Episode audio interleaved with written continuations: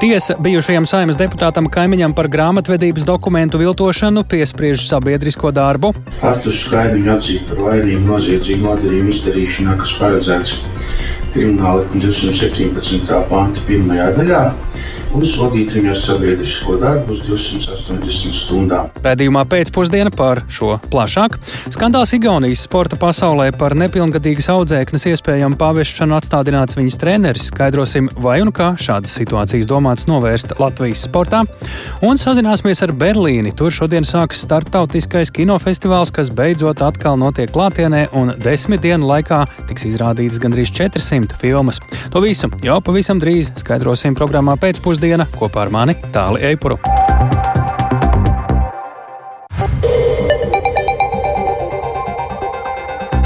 Ir 16,5 minūtes, skan pēcpusdienas ziņu programma, skaidrojot šodienas svarīgus notikumus. Studijā Tālis Eipurs. Valsts aizsardzības dienesta aprises Latvijā kļūst arvien skaidrāks. Likumā ir precizētas normas par to, uz cik veciem jauniešiem iesaukums attieksies un vai iesauks arī sievietes. Par to atbildīgā saimnes komisija sešās sēdēs ir izvērtējusi aizsardzības ministrijā pārstrādātās valsts aizsardzības dienesta likuma normas. Tās šodien, pagaidām vēl otrajā lasījumā, ar plašām debatēm skata saimnes deputāti, Par ko jau ir rasta skaidrība, vairāk par to ir gatavs pastāstīt kolēģis Jānis Kīns. Tur vēl spriešana turpinās, saprotu. Vēl turpinās, jā. Un, bet drīz jau, drīz jau vajadzētu būt galīgajiem balsojumiem otrajā no trim lasījumiem. Bet vispirms atgādināšu, ka atbilstoši topošajam likumam valsts aizsardzības dienestā iesaucam Latvijas pilsoņi vīrieši gada laikā pēc 18 gadu vecuma sasniegšanas. Savukārt, ja viņi turpina izglītoties, dienestā varēs iesaukt viena gada laikā pēc izglītības iestādes absolvēšanas, bet ne vēlāk kā līdz 24 gadu vecumam. Augstākā izglītība gan nozīmēs atbrīvojumu no šīm dienesta saistībām. Un iespējamie dienesta veidi būtu 11 mēneši Nacionālo bruņoto spēku vienībā, dienesta zemesardzē vai arī apgūstot augstskolu un koledžu studentiem paredzēto rezerves virsnieka programmu, un par dienestu paredzēta arī alga. Brīvprātīgi dienestam savukārt varētu pieteikties vīrieši un sievietes vecumā no 18 līdz 27 gadiem. Un, prioritāri dienestā plānots uh, iekļaut brīvprātīgos, un pirmais 300 jauniešu iesaukums, eh, iesaukums šogad 1. jūlijā iecerēts tikai no brīvprātīgajiem. Šodien saimnes plenārsēdē deputāti ieslīga, ieslīga ilgstošās debatēs par priekšlikumu, ka dienestā būtu jāiesauc arī sievietes. Vairāki deputāti uzsvēra, ka dāmām šis dienests nebūtu nekāds šķērslis. Tam pretī bija viedokļi, ka šai iespējai arī turpmāk jābūt brīvprātīgai, un balsojumā deputātu vairākums tā arī lēma. Šo diskusiju, lai ilustrētu citāti, ko pauda deputātes Agnese Krasta no jaunās vienotības un Linda Matisone no apvienotā saraksta. Kopumā varam jau tagad lepoties ar Latvijas bruņotajiem spēkiem sieviešu līdzdalības ziņā, un dzimumu stereotipi tur nepastāv. Un arī par dienestu zemesardzē sievietes izrāda lielu interesi. Visiem, neatkarīgi no dzimuma, ir gan pienākums, gan arī iespējas mācīties un strādāt, lai gan ikdienā, gan krīzes situācijā mēs varētu savu valsti aizsargāt. Tā nav tikai viena dzimuma priekšrocība arī šobrīd. Es galīgi nejūtos diskriminēta, ja man nebūs obligāti jādien armijā vai manām meitām. Viņas stāvēs aiz stipriem vīriešiem tieši tāpat kā es. Es nejūtos diskriminēta par to, es esmu pateicīga par to. Nokaitētos prātus centās atvēsināt Saimnes aizsardzības komisijas vadītājs Raimons Bergmans no apvienotā saraksta. Viņš atgādināja, ka topošā likuma pirmajā pantā pieminētās visaptverošās valsts aizsardzības sastāvdaļa ir arī patriotiskā audzināšana, un tā jau drīz būs arī skolu programmās. Lūk, deputāta Bergmaņa teiktais. Šis ir viens no tiem septiņiem pilāriem, kurā nākošā gadā sāksies obligātā valsts aizsardzības mācība un kurā tad arī būs apmācīti visi skolēni, bērni, neskatoties no dzimuma. Ka šobrīd aizsardzības ministrija domā, kā to vēl vairāk saintegrēt šo valsts aizsardzības mācību ar valsts aizsardzības dienestu. Skaidrs, ka brīvprātīgo kādā brīdī būs par maz, un lai turpmākajos gados nokomplektētu iztrūkstošo iesaukumu daļu, plānot atlase pēc nejaušības principa. To paredzēts rīkot proporcionāli valsts aizsardzības dienestam pakļauto jauniešu skaitam, kas deklarēti konkrētā novadā. Un, uh, Viens no jautājumiem, par ko iepriekš bija plašas un arī mainīgas diskusijas atbildīgajā komisijā, bija par ārvalstīs dzīvojošo pilsoņu iesaukšanu šajā dienestā. Pašlaik virzītais priekšlikums paredz, ka līdz 2027. gadam valsts aizsardzības dienestā neiesauks pilsoņus, kas pastāvīgi dzīvo ārvalstī. Likumā arī ir uzskaitīti apstākļi, kas ļautu no dienesta, dienesta vai nu pārcelt, vai no tajā neiesaistīties.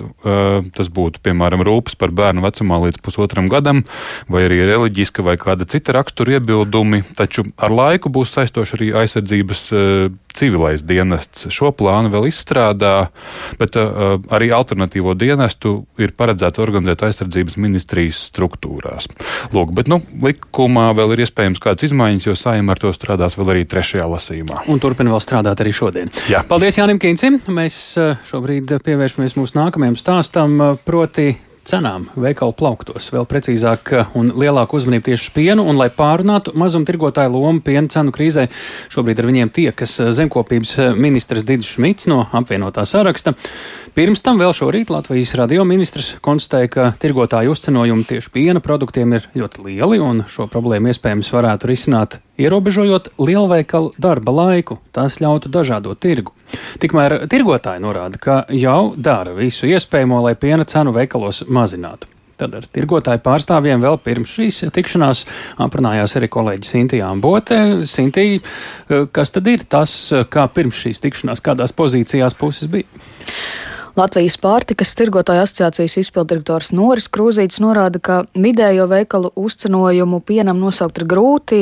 Viņš gan lēsa, ka tas var būt no 30 līdz pat 80 procentiem atkarībā no konkrētā veikala izmaksām. Viņa prāt pat laban ir tāds spiediens samazināt cenu tur, kur to nevar izdarīt, jo tirgotājiem bez tās cenas, par kuru piegādā pārstrādātājs to produktu, tālāk ir energo izmaksas, tā piena turēšanai leduskapī tāpat kopējās veikala energo izmaksas, apkure, apgaismojums, citi apsaimniekošanas tēriņi.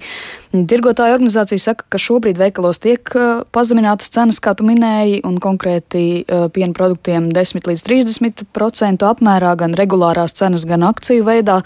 Tāpat arī Latvijas piena pieejamība attiecībā pret importēto veikalos esot nodrošināta, jo pēc organizācijas aplēsēm vidējā 80% no dažādiem piena produktiem veikalu plauktos ir tieši vietējo saražojumu ražotais. Un runājot jau par konkrētākiem veikaliem, tad, piemēram, Lidl šodien man atteica komentēt situāciju, jo vispirms vēlas tad uzklausīt ministru, kā to arī minēja, tad viņi šobrīd tiekās. Tiesa gan arī piena cenas veidošanos un kā tā mainījusies pēdējos mēnešos, viņu veikalos Lidl pārstāvji nevarēja vēl pagaidām pastāstīt. Savukārt veikala tīkla Maksim pārstāve Laura Bagātā stāsta, ka veikals nedēļu īsteno akciju, kuras ietveros samazina cenu ap 200 Latvijā ražotiem piena produktiem un tirgotājs novērojas, ka tas tiešām audzējas pieprasījumu pēc tiem varam paklausīties pienam, krējumam, biespienam, sviestam un uh, noteiktiem uh, Latvijas piena produktiem cena vidēji tika samazināta par 34%. Nu, tas, ko mēs redzam, ir, ka nedēļa pēc iniciatīvas jau pieprasījums pēc pašmāju piena produktiem ir audzis vidēji par 60% maksimāli veikalos. Nu jā, un zemkopības ministrs Digis Šmits no apvienotās saraksta tad uh, pat laban uh, cenšas noskaidrot, kā tad tas uh, uzcenojums uh, veidojas pienam. Un, uh, un šorīt arī Latvijas rādio viņš vienu no risinājumiem vai tādiem priekšlikumiem jau iezīmējam, to arī varam paklausīties. Protams, mēs esam brīvā tirgu un tāda milzīga daudz instrumentu nav. Bet viens ir, un tas ir tirgus diversifikācija. Ja? Izpratnē, ka mēs varētu ieviest politiku, kāda tā ir ļoti daudzās Eiropas valstīs, ka lieliem tirdzniecības centriem tiek noteikts darba laika ierobežojums. Piemēram, Francijā un Vācijā lielie tirdzniecības centri svētdienās ir slēgti, sestdienās ir ļoti ierobežota darba laika, un darbdienās arī tikai līdz pusdienas astoņiem, kas atver vietu maziem veikaliem. Bet ko no tā, tā iegūtu piena ražotājs? Viņi nebūtu atkarīgi tikai no Maksimas iepirkēja vai Rimija vai Lidl iepirkēja, kā saka, uzspiestās politikas. Būtu vieta tirgot pienu arī citur. Tā ministrs, eh, bet eh, ko saka tirgotāji? Vēl eh, šī sanāksme, mēs saņemām informāciju, tikko ir beigusies, bet vēl pirms sanāksmes, kāda bija viņa izējas pozīcija kaut vai par šo Šmita kunga tēzi? Nu, Krūzītis saka, ka šis piena nozars svārstīgās iepirkuma cenas problēmas nerisinās. Turklāt pandēmijas laikā nu, arī redzējām, ka veikalu darba laiku izmaiņas sabiedrībā raisīja arī neapmierinātību un nav pietiekami arī attīstīta veikalu pieejamība. Varam arī paklausīties viņa teikto. Tas, kas attiecas uz ierosinājumiem samazināt darba laiku, nu, tas nav nekas jauns, un es nezinu, vai piena dēļ to vajadzētu darīt. To varētu darīt tad, ja būtu nu, vēl papildus infrastruktūra tādā nozīmē, ka Latvija būtu attīstīti tirgi, pieejamās vietas pietiekamā apjomā ar veikaliem, kas var apgādāt cilvēks ar pirmās nepieciešamības precēm. Nu, šobrīd nu, tāda situācija kā Rietuma Eiropā nav un samazinot jebkura veida darba laiks, nu, mēs radām problēmas iedzīvotājiem. Un tas pats arī jautājums par uh, transportu, nu, īsāks ceļš līdz veikalam, tas arī ir lētāks tieši šis jautājums uh, iedzīvotājiem. Tā tirgotāja, viens, viens no tirgotāju pārstāvjiem Noris Krūzīts, bet pie mūsu klausos šobrīd Latvijas tirgotāju asociācijas vadītājs Henriks Danusevičs. Uh, labdien! Nu, labdien! Nu, jūs uh, nepārstāvat tieši tās lielās, jau te iepriekš pieminētās tirdzniecības ķēdes. Jūsu biedru sarakstos ir dažādi izmēra citi mazuma tirgotāji, un tikko arī sanāksme ir beigusies, kā jūs teiktu, ko no tās uh, visi kopā secināja un ko jūs secinājāt? Nu, mēs secinājām to, ka īstenībā tirgotājs nav tas, kurš ietekmē uh, piena tiešā ražotāja ieņēmumus jo mēs tirgotāji neiepērkam pienu no zemnieka un nesalaistam pircēju atnestos traukos, bet mēs pērkam no pārstrādātājiem. Un tā cena, ko piedāvā pārstrādātājs, ja pat mūsu piecenājums samazinātos, viņš neietekmētu to cenu, ko maksā pārstrādātājs eh, par piena piegādi.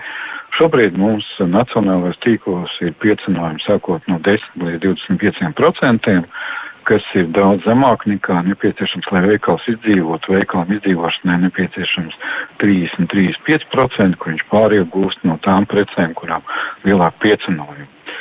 Un, nu, protams, ir tālāk pēc mūsu piecinājuma nāk vēl PVN, kurš ir 21%, tātad atsevišķos gadījumos valsts paņem par to pašu pienu divreiz vairāk nekā tirgotājs par darbu viņu pārdodot. Un līdz ar to, protams, ka attiecībā uz uh, cenu no zemnieka mūsu piecinojumu neietekmē iti nekādi. Tas, kā mēs vienojāmies, ka mēs palīdzēsim uh, zemniekiem ar to, ka mēs uh, identificēsim, aktivizēsim identifikāciju Latvijas pienam ar karodziņiem vai savādākām metodēm izcelsim šo te Latvijas produktu. Uh, Mums bija pirms trim gadiem līdzīga aktivitāte, bet tad ar Covid kaut kā mhm. tas viss pierima un tagad mēs aicināsim tirgotājus pie tā atgriezties. Un arī mūsu partneri lielie, ar kuriem mēs sadarbojamies kā asociācija. Uh, Jā. Deklarējuši par šo te mhm. Kā jūs, atbalstu. Kā jūs vērtējat to priekšlikumu, ko uh, ministrs izteica par lielveikalu darba laika ierobežošanu, uh, vai tas tika apspriests un uh, kā jūs uz to raugāties? Protams, mazie tirgotāji būtu ieguvēji no šāda te, bet, nu, jārēķina ir dažādi aspekti, un tur, laikam, valdībai ir jāsabalansē šis lēmums, jo, nu, tur, kur uh, ir daudzas vietas, teiksim, salīdzinot ar Eiropu, mums ir maz attīstīti tirgi, kur var iepirkties cilvēki tiešo zemnieku produktus. Mums ir šīs pasūtījuma platformas, kur var saņemt produktus, bet, nu, tās nevienmēr darbojas arī sanitāro prasību ietvaros. Nu, un, protams, jautājums arī par segumu, ja vai visur iedzīvotājiem būs pieejama pārtika, bet, nu, tāda risinājuma bija. Eiropas tirdzniecības darbinieku arotbiedrība uzskata, ka tās būtu ieviešams visās Eiropas saimnības dalību valstīs. Latvijas tirdzniecības darbinieku arotbiedrība uzskata, ka Latvijā to nevajadzētu. Nu, tas, principā, jārisina pamatā šiem strādājošiem. Viņi ir gatavi atteikties no darba brīvdienās, jo jāsaka, ka arotbiedrības, kāpēc grib, tāpēc, ka par darbu brīvdienās mūsu valstī maksā dubulti, un līdz ar to uh, tirdzniecības darbinieki, kas strādā lielajās ķēdēs, protams, ir pret šādu lēmumu. Tad šis ministra ierosinājums pagaidām tādu būtisku tālāku ceļu uh, vismaz nevirzās uh, straujiem. Nezinu, var jau būt, ka ministrs virzīs, bet, nu, Labi, jā, sapratām jūsu pozīciju tieši tā. Lielas paldies par sarunu, Henriks Denusevičs, Latvijas tirgotāju asociācijas vadītājs, un šobrīd redzījumā pēcpusdienu pievēršamies notikumiem Turcijā. Tur daudz dažādu leņķu. Ir pienācis laiks Turcijai ratificēt Somijas un Zviedrijas pieteikumus dalībai NATO. Tā šodien paziņoja militārās alianses ģenerālsekretārs Jens Stoltenbergs, esot vizītē Turcijā. Stoltenbergs un arī Turcijas augstākās amatpersonas pārnāja NATO paplašināšanu, karu Ukrainā un nu, jau arī palīdzību Turcijai pēc pagājušajā nedēļā notikušajām postošajām zemestrīcēm. Plašāk Ulda Ķēzbera ierakstā. NATO ģenerālsekretārs Jens Stoltenbergs šodien ieradās Turcijas galvaspilsētā Ankarā, lai visas alianses vārdā apliecinātu solidaritāti sabiedrotajai, kas pirms desmit dienām piedzīvoja savā vēsturē vienu no spēcīgākajām un postošākajām zemestrīcēm. Stoltenbergs tikās ar Turcijas prezidentu Reģepu Taipu Erdoganu un ārlietu ministru Mevlitu Čavušoglu. Pēc sarunas ar Čavušoglu Stoltenbergs medijiem sacīja, ka Turcijai nevajadzētu ilgāk bloķēt Somijas un Zviedrijas pieteikumus dalībai NATO. To... Uh, es uzskatu, ka ir pienācis laiks apstiprināt Somijas un Zviedrijas pieteikumus. Es pilnībā saprotu, ka Turcijai ir pamatotas bažas par savu drošību.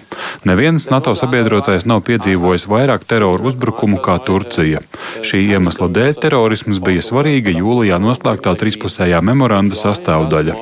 Tādēļ NATO cīņa pret terorismu ir viens no galvenajiem uzdevumiem. Es arī ticu, ka Somijas un Zviedrijas dalība aliansē stiprinās mūsu spējas cīņā cīņā pret starptautisko terorismu. Uh, uh, Ankara savu pretestību Somijas un Zviedrijas uzņemšanai NATO pamato ar šo valstu nevēlēšanos izdot personas, kuras Turcija uzskata par teroristiem.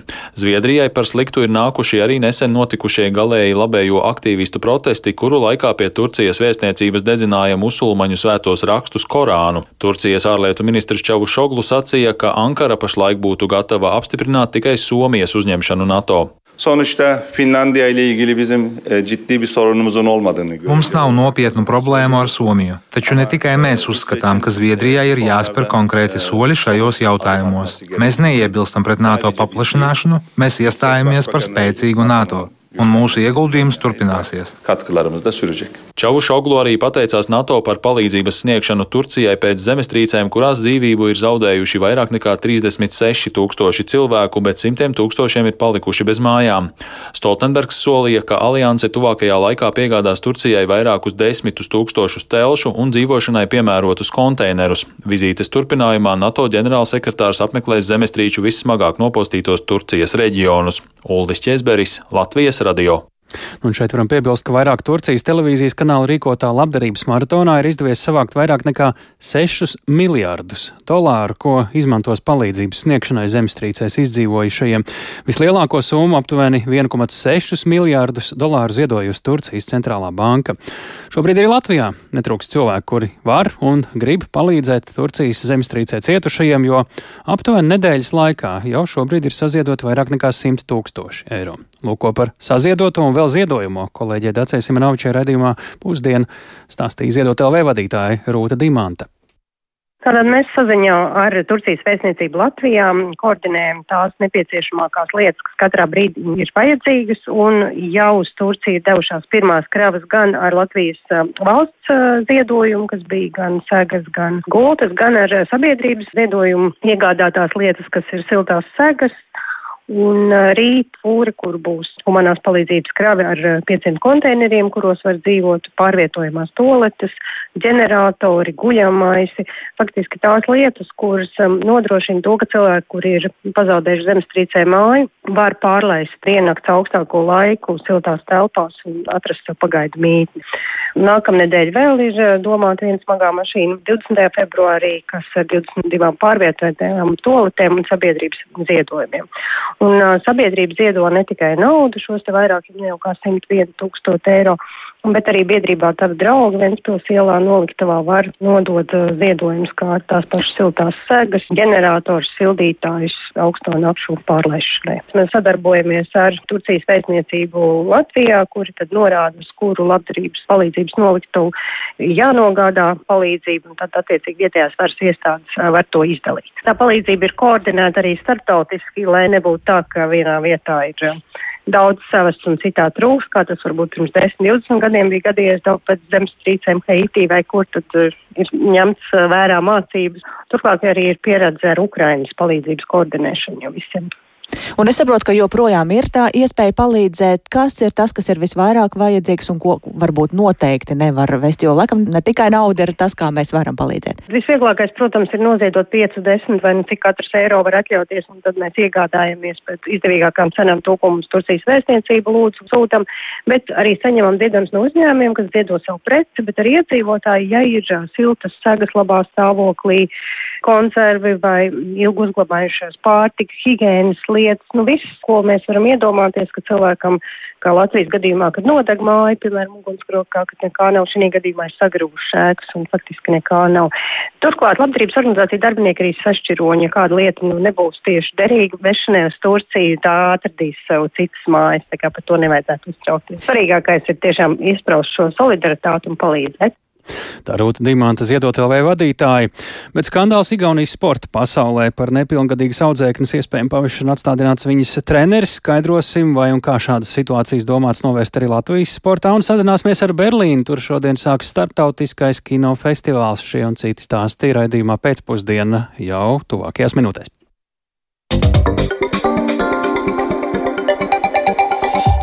Pasludināts spriedums bijušā saimnes deputāta Artusa kaimiņa krimināllietā par grāmatvedības dokumentu viltošanu.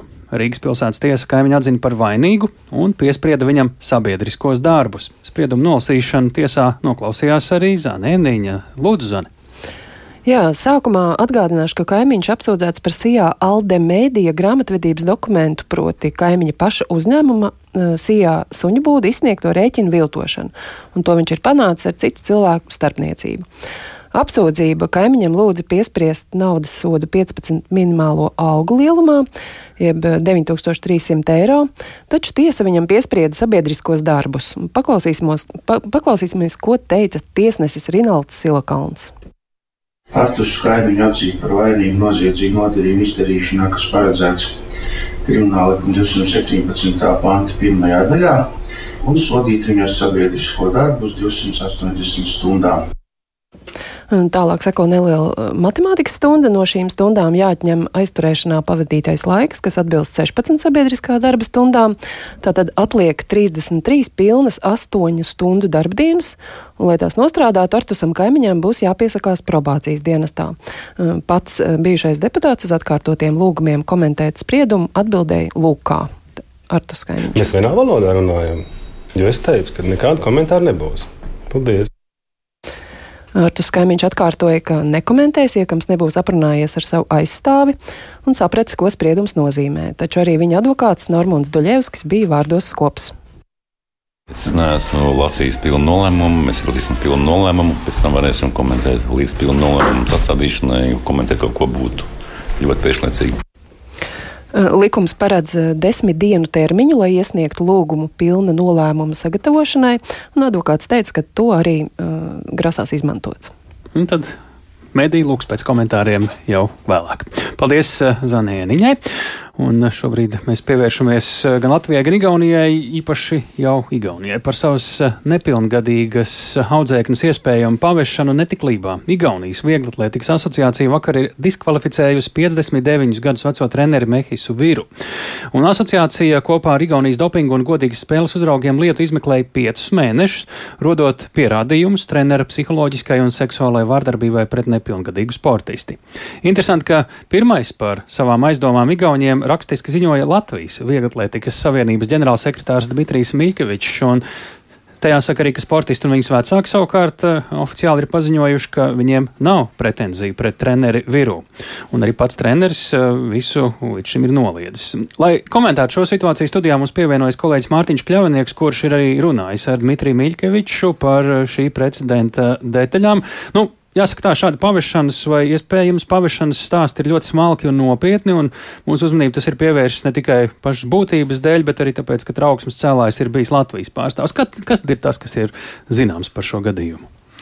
Jā, no vakardienas aprunājos ar Dimitriju Miļkeviču, un uh, viņš arī sīk un smalki izstāstīja, kā tas uh, noticis. Pirmās uh, tās nu, vēsmas par kaut ko nelāgu viņš pamanīja pagājušajā gadā. Tad tur bija pasaules junior čempionāts Kolumbijā, tas notika Kalī pilsētā, un tur bija gan igauņi, gan latvieši, dzīvoja pavisam netālu viesnīcā abas komandas. Nu, nav tā, ka Dmitrijs Miļkevičs vienkārši pats bija to ieraudzījis, bet viens no Latvijas treneriem esot piesits pie pleca Dmitrijam un sacījis, tur kaut kas nav lāgi viņus redz visu laiku kopā un pārāk cieši kopā pie pusdienu galda, trenējoties. Treneris pieprasa, lai visur būtu kopā ar sportisti. Tas viņam likās dīvaini šim Latvijas trenerim. Tad arī Dmitrijs pievērs uzmanību. Izrādās, ka, jā, ka arī viņš e, ieraudzīja tur kaut ko nelāgu, tāpēc arī mm, vērsās pie Igaunijas kolēģiem.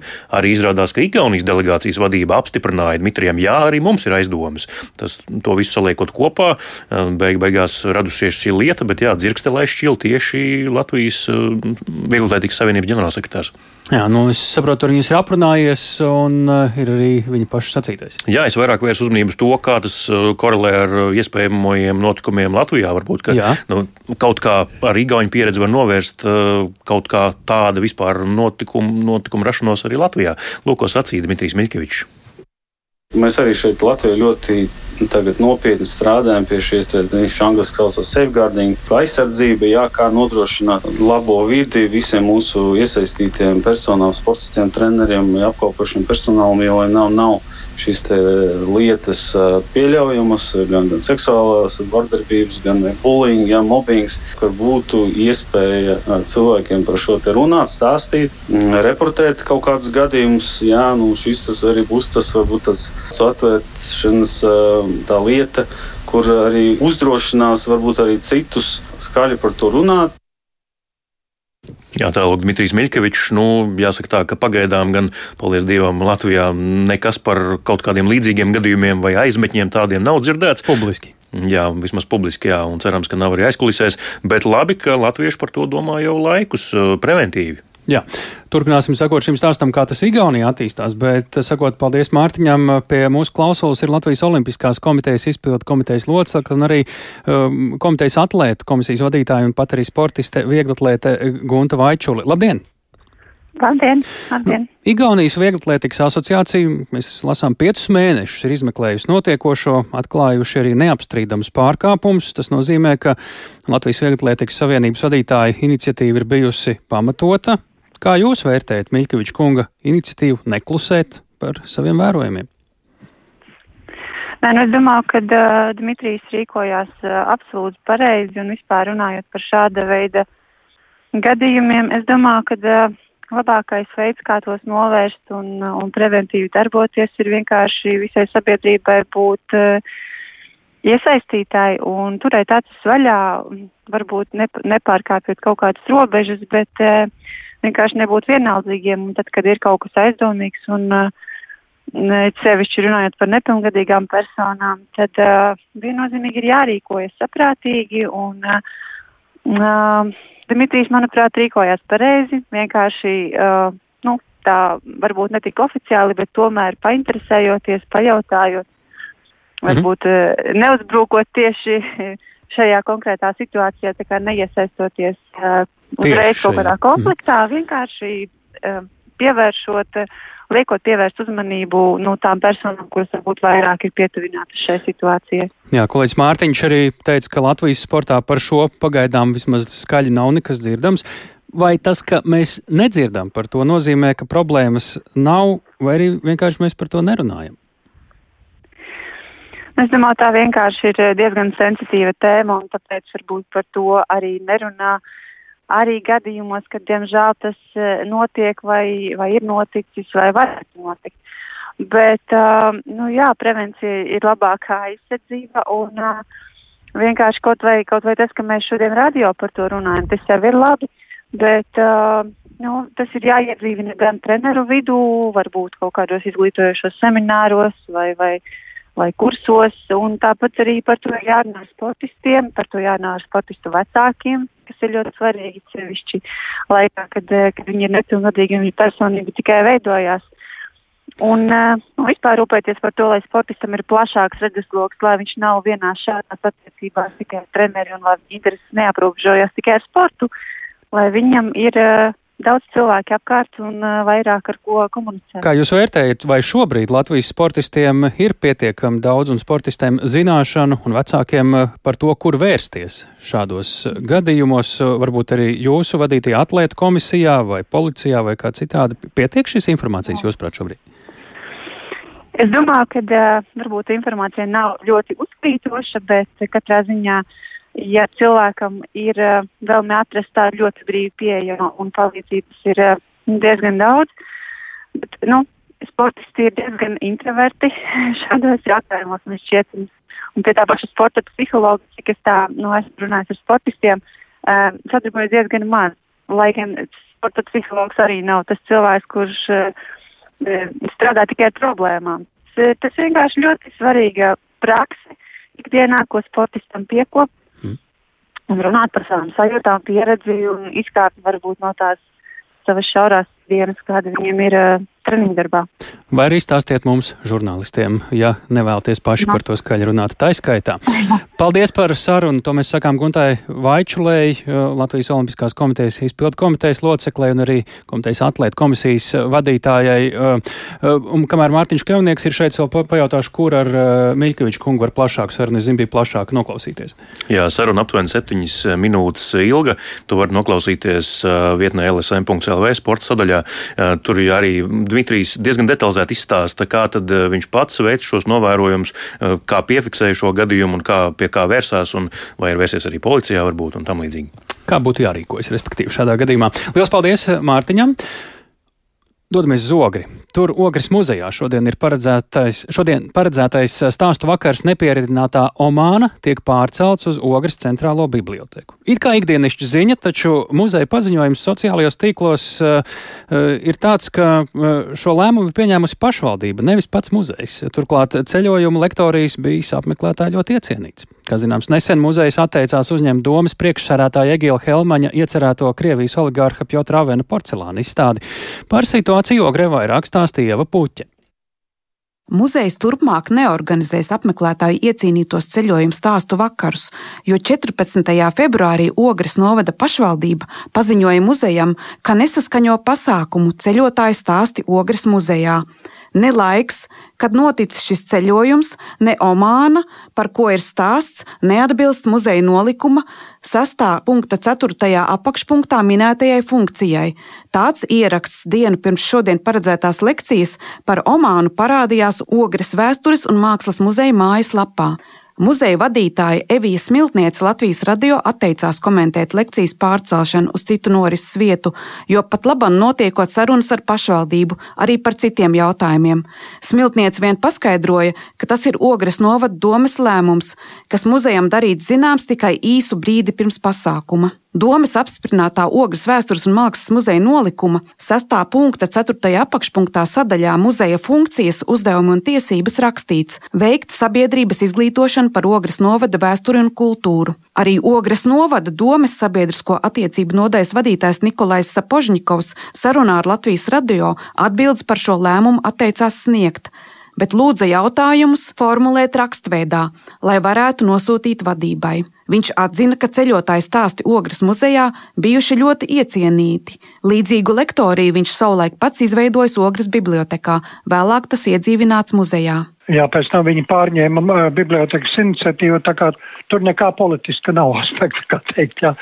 Jo, jo tagad uh, iespējams, uh, nu, ka grib sasaistīt arī ar to bēdīgi slaveno izstādes epopēju, jā, varbūt tādā veidā, nē, tur, tur, tur nekā tāda nav. Šeit Sapožņikovs piemin sankcijām pakļautā Krievijas uzņēmēja Piotra Avena labdarības fonda paudze porcelāna izstādi, ko Ogres muzejā nesen centās organizēt mērs Egils Helmanis, taču muzejs pret to izteica protestu. Ogres centrālās bibliotekas direktore Jautrīte Mežjāna stāstīja, ka piedāvājumu turpmāk rīkot ceļojumu stāstu vakarus viņas vadītajā iestādē uzņēmusi ar prieku. Šis ir tā kā saziņā ar domi bija mums, ka šis pasākums šoreiz notiek pie mums. Es laikam nevarēšu jums konkrēti datumu pateikt tagad uzreiz, jo mēs esam atvērti piedāvājumiem un ļoti labprāt saviem apmeklētājiem piedāvājam dažādas iespējas. Komentēt situāciju bez saskaņojuma ar pašvaldību atteicās arī lekcijas nepieradinātā Omāna autore Elīna Baltiņa, Ogres novada turisma attīstības un plānošanas nodaļas vadītāja. Savukārt Ogres muzeja profilā Facebook platformā var pārliecināties, ka šajā pašvaldības iestādē ceļotāju stāstu vakari notikuši jau vismaz kopš 2017. gada, kad nevienam pret to nebija pretenziju. Ieva Puķe, Latvijas radio. No Ogres uz Berlīni sākas 73. starptautiskais Berlīnas kinofestivāls. Beidzot, pēc pandēmijas atkal ierastā formātā. Desmit dienu laikā tiks izrādīts gandrīz 400 filmas. Uz festivāla galveno balvu Zelta Lāča un Sudraba Lāča pasniegšanu 25. februārī pretendēs 19 filmas. Mums nedaudz sagatavoties Berlīnā, lai īsā sarunā ir piekritusi palīdzēt kino kritiķa un Nacionālā kinocentra direktore Dita Rietuma. Labdien! Labdien, labdien! Svētki man jūs jāapsveic un visi kino mīlētāji, eh, bet kā jūs teikt, kas šobrīd ir gaidītākie Berlīnālis notikumi un uz kādiem gan notikumiem, gan filmām, personībām vai ko citu šoreiz tiks tēmēta mediju starmešu, ekspertu uzmanība? Uh, nu, ziniet, par mediju starmešiem un ekspertu uzmanību es jums īsti neko nevarēšu pateikt, kur viņi, kur viņi savus starmešus nu, eksperti, bet, nu. uh, bet uh, šodien tiešām ir uh, liela diena. Es stāvu Berlīnes uh, filmu festivāla kino tirgu, ir viena filmu mākis, tātad Eiropas kino tirgus. Un uh, visapkārt ir kņātā, uh, un mums uh, Latvijas, Lietuvas un Igaunijas kino institūcijām un kino nozarēm šī, šī ir ārkārtīgi būtiska Berlināle. Mēs esam fokus valstis. Tātad Eiropas kino tirgus fokus valstis. Ko tas nozīmē? Tas, ir, tas nozīmē, ka uh, tieši trīs Baltijas valstu kino nozares tiek īpaši izceltas, īpaši popularizētas uh, ir oficiālie uh, producenti, uh, katras valsts pārstāv, kas piedalās dažādos uh, profesionālos pasākumos, tad tie ir uh, ļoti lieli uh, industrijas, kino industrijas notikumi. Tālāk arī mans fokus ir šogad ir institucionālais fokus, un mēs ļoti cītīgi esam gatavojušies šim milzīgajam notikumam.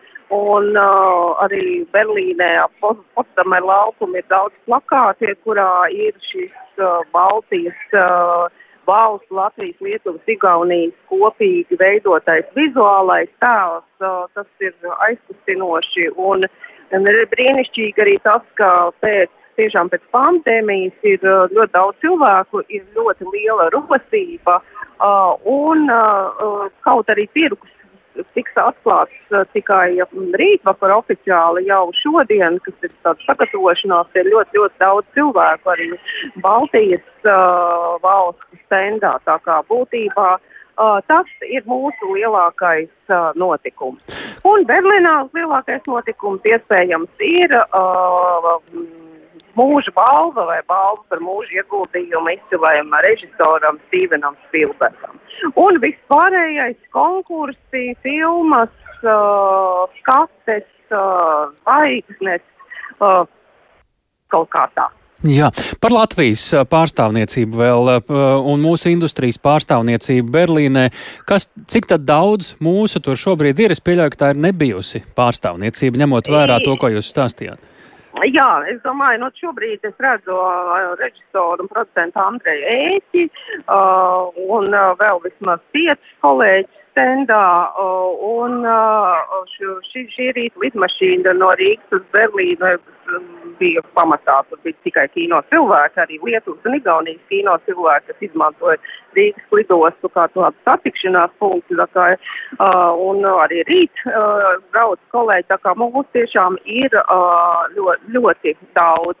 Bet oficiālie pārstāvji, kas ir izraudzīti kā tādi Berlīnas kino tirgus uh, vai European Film Market, Eiropas filmu tirgus oficiālie pārstāvji, ir uh, septiņi. Tātad mm. no katras valsts. Kas Nu, un arī daži labi pirmizrādi Latvijas kino veikumam. Uh, jā, ir, ir tirgus skates daudzām Latvijas filmām, kuras uh, šogad arī pretendē uz lielo Kristapu, tas pats janvāris, uh, arī uh, filma Māsas, uh, un vēl arī filma Māsas piens un vēl daudz citu, ko skatāms Berlīnas uh, šajā te profesionālajā industrijas platformā. Un uh, festivāla oficiālajā programmā ir divas uh, Latvijas kopiežojuma filmas, filma par Ukraiņas karu, Austrumu fronte, kas, kuras pirmizrāde būs kara gada dienā, 24. februārī. Tā ir satriecoša filma. Filmas režisors ir Vitālijs Manskis un Jevkens Pistarenko, divi režisori.